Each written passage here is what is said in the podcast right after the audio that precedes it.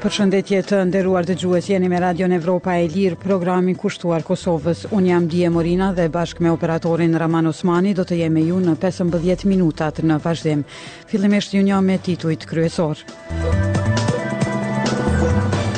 Kriza në Detin e Kuq pritet të rrisë disa çmime në Kosovë. Mbi 90% shkalla e vaksinimit Kosova pa raste të fruthit.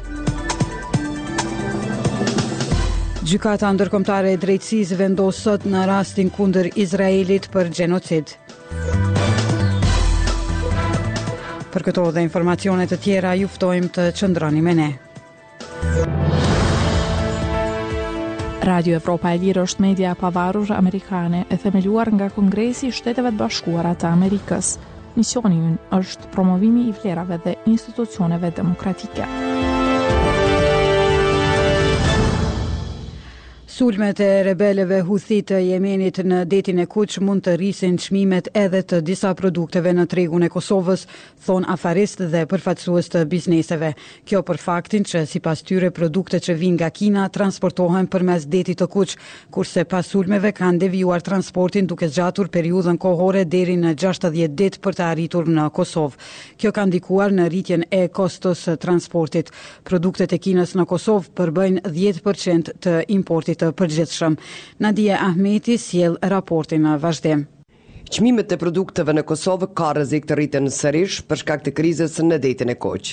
Disa kompani detare i kanë ndaluar anijet e tyre të mallrave që të lundrojnë në këtë det dhe i kanë naviguar në drejtime të tjera më të gjata për shkak të sulmeve të rebelëve të Huthit kundër tyre.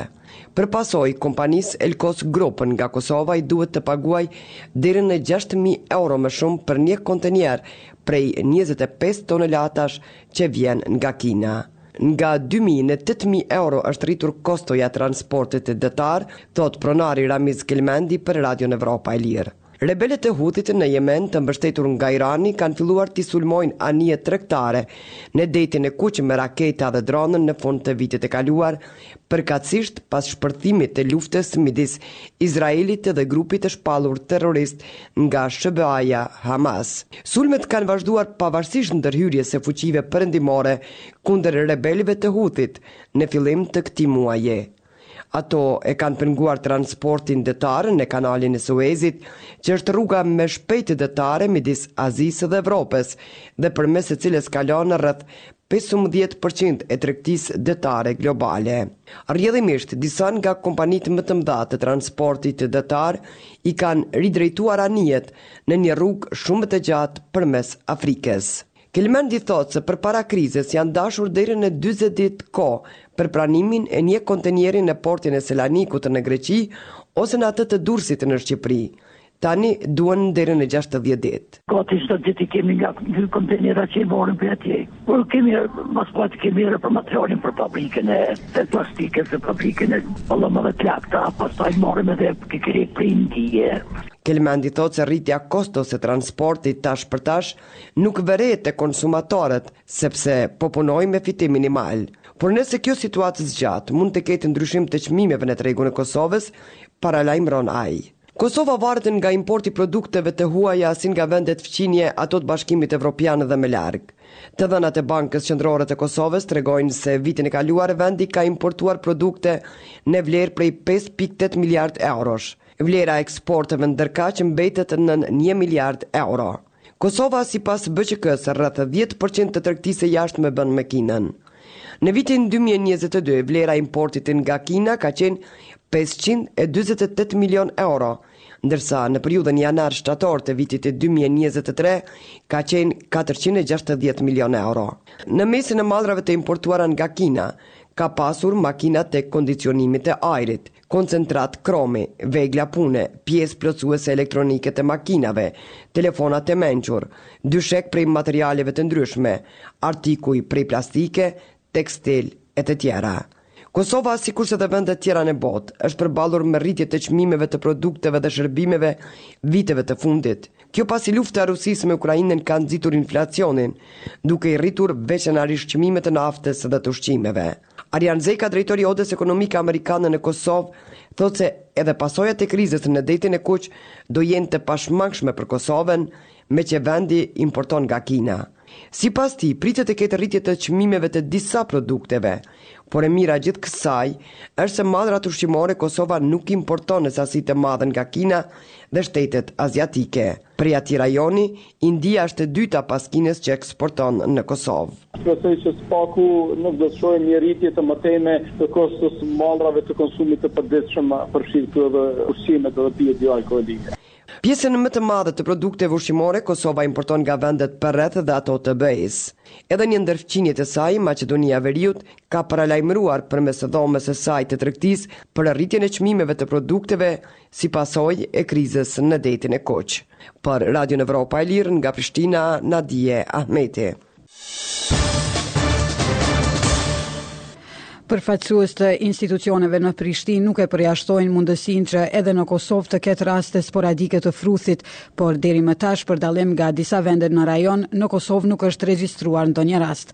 Në Institutin Kombëtar të Shëndetësisë Publike thonë se nuk pritet të ketë ndonjë shpërthim për shkak se shkalla e vaksinimit të fëmijëve kundër fruthit në Kosovë është e lartë. Arton Konushevci sjell materialin në vazhdim. Në Kosovë aktualisht nuk ka asnjë rast të fruthit, edhe pse numri i rasteve në vende të tjera në Evropë ka qenë në rritje sipas Organizatës Botërore të Shëndetësisë.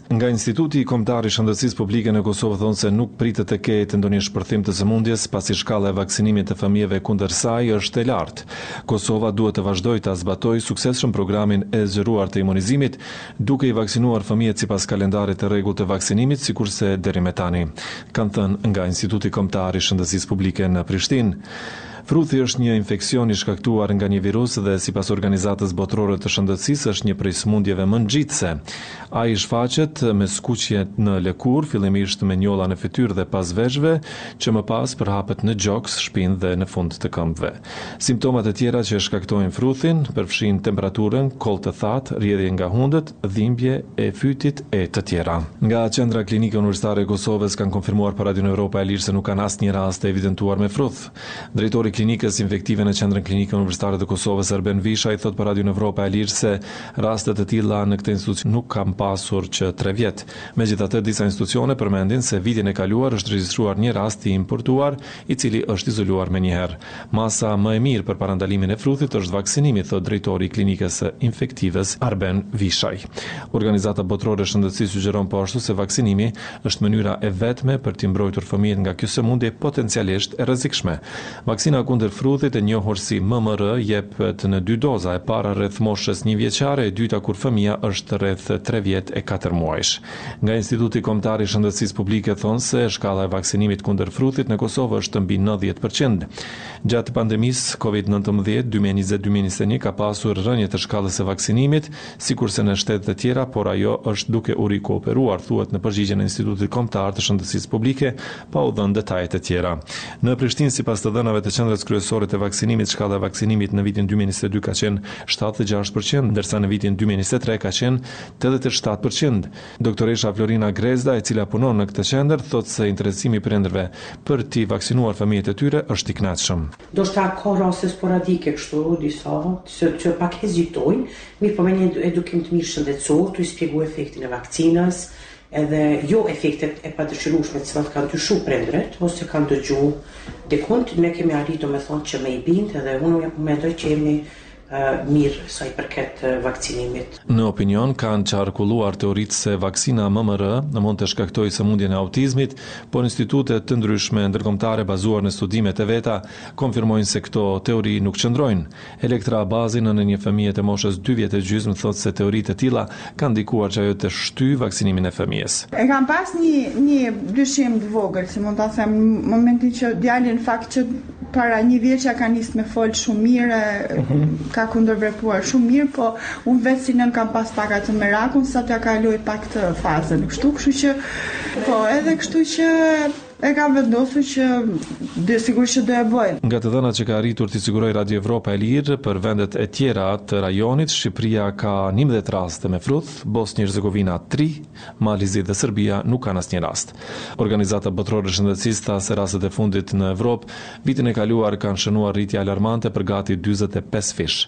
Sipas Organizatës Botërore të Shëndetësisë rreth dyzet e dy mijë e dyqind njerëz janë infektuar në vitin dy mijë e njëzet e tre, krahasuar me nëntëqind e dyzet e një gjatë vitit dy mijë e njëzet e dy. Organizata Botërore e Shëndetësisë beson se situata është rezultat i më pak fëmijëve të vaksinuar kundër sëmundjes gjatë pandemisë Covid nëntëmbëdhjetë. Të gjitha vendeve në rajonin evropian iu kërkua t'i zbulojnë dhe t'i përgjigjen shpejt rasteve të fruthit, si dhe të vaksinojnë sa më shumë njerëz. Për Radion Evropa e Lirë nga Prishtina, Arton Konushevci. Në evropaelirë pikë org mund të lexoni materiale dhe analiza ekskluzive nga vendi rajoni dhe bota. Sot gjykata e Kombeve të Bashkuara do ta bëjë publik vendimin për rastin kundër Izraelit lidhur me dyshimet për kryerje të gjenocidit në Gazë. Vendimi pritet të marrë vëmendje të madhe në Lindje të Mesme dhe pjesën tjetër të botës. Gjykata Ndërkombëtare e Drejtësisë mund të urdhërojë Izraelin që t'i japë fund fushatës ushtarake në Gazë të nxitur prej sulmeve të pashembullta të Hamasit më 7 tetor të vitit të kaluar. Hamasi, grup palestinez që udhëheq Rripin e Gazës, është shpallur organizatë terroriste prej Shteteve të Bashkuara dhe Bashkimit Evropian. Gjykata mund të detyrojë Izraelin edhe që të lehtësojë hyrjen e ndihmave në Gazë. Megjithatë, gjykata nuk do të japë vlerësim nëse Izraeli është duke kryer gjenocid në Gazë. Në këtë fazë, Gjykata Ndërkombëtare e Drejtësisë do të prezantojë urdhra emergjentë para se të analizojë akuza më të gjera për akte gjenocidiale në Gazë, proces që pritet të marrë vite. Ky rast është dërguar në gjykatë prej Afrikës së Jugut, vend që beson se Izraeli është duke vepruar në kundërshtim me Konventën e OKB-së për Gjenocid të vitit 1948, e cila është hartuar pas Luftës së Dytë Botërore dhe Holokaustit. Afrika e Jugut nuk ka nevojë të vërtetojë se Izraeli është duke kryer krime, ka thënë Juliette McIntyre, eksperte ndërkombëtare për çështjet ligjore në Universitetin e Australisë së Jugut. Ajo vetëm duhet të vërtetojë që ka rrezik të madh për kryerje të gjenocidit, ka thënë ajo për agjencinë e lajmeve AFP. Pas dy ditëve seancë këtë muaj në Pallatin e Paqes në Hagë, një botë larg prej dhunës në Izrael dhe Gazë, avokatët kanë argumentuar mbi teknikalitetet e Konventës për Gjenocid. Izraeli ka shpallur luftë Hamasit më 7 tetor 2023, pak pasi grupi ka kryer sulme vdekjeprurëse në tokën e tij, duke i lënë rreth 1200 njerëz të vrarë dhe duke marrë mbi dyqind e dyzet pengje. Disa prej tyre janë liruar ndërkohë. Si pasojë e ofensivës ushtarake të Izraelit në Gazë janë vrarë mbi njëzet e pesë mijë palestinezë, sipas autoriteteve shëndetësore palestineze. Kombet e Bashkuara dhe agjenci ndërkombëtare për ndihmë vlerësojnë se luftimet kanë shkaktuar katastrofë humanitare në Gazë, pasi një çerek i këtij territori me dy pikë tre milionë banorë po përballet me uri. Një gjykatë në Moskë ia ka vazhduar gazetarit amerikan Evan Gershkovich masën e ndalimit për dy muaj deri më 30 mars. Ky gazetar i të përditshmës amerikane Wall Street Journal mbahet në Moskë nën akuzat për spiunazh, të cilat ai i mohon.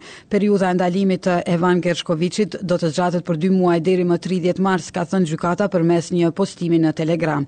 Gershkovich, kompania ku ka punuar dhe qeveria amerikane i kanë hedhur poshtë akuzat për spiunim, të parat ndaj një gazetari të huaj në Rusi prej epokës sovjetike. Një pikturë e artistit austriak Gustav Klimt, që është besuar se ka humbur që 100 vjet, është gjetur në Vjenë. Portreti i Fraulein Lieser dikur ka qenë në pronësi të një familjeje hebreje në Austri dhe është parë për herë të fundit në publik më 1925. Fati i saj më pas ka qenë i paqartë, mirëpo familja e pronarëve aktualë ka pasur pikturën prej viteve 60. Shtëpia e ankandeve Im Kinsky ka thënë se vlera e pikturës është mbi pesëdhjetë e katër milionë dollarë. Portreti do të vendoset në ankand më njëzet e katër prill në emër të pronarëve dhe pasardhësve ligjorë të familjes Lieser.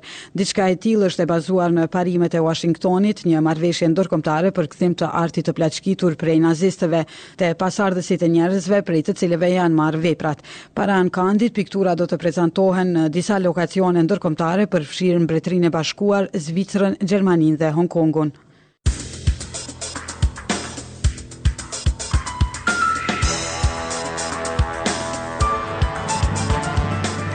Ishin këto të gjitha materialet e përgatitura për edicionin e mesditës. Për lajmet e fundit dhe informacione të tjera mund të vizitoni faqen tonë në internet evropaelire.org. Jemi aktivë edhe në rrjetet sociale Facebook, X, Instagram, Threads dhe YouTube. Deri në takimin tonë të radhës, mirëmbetshi.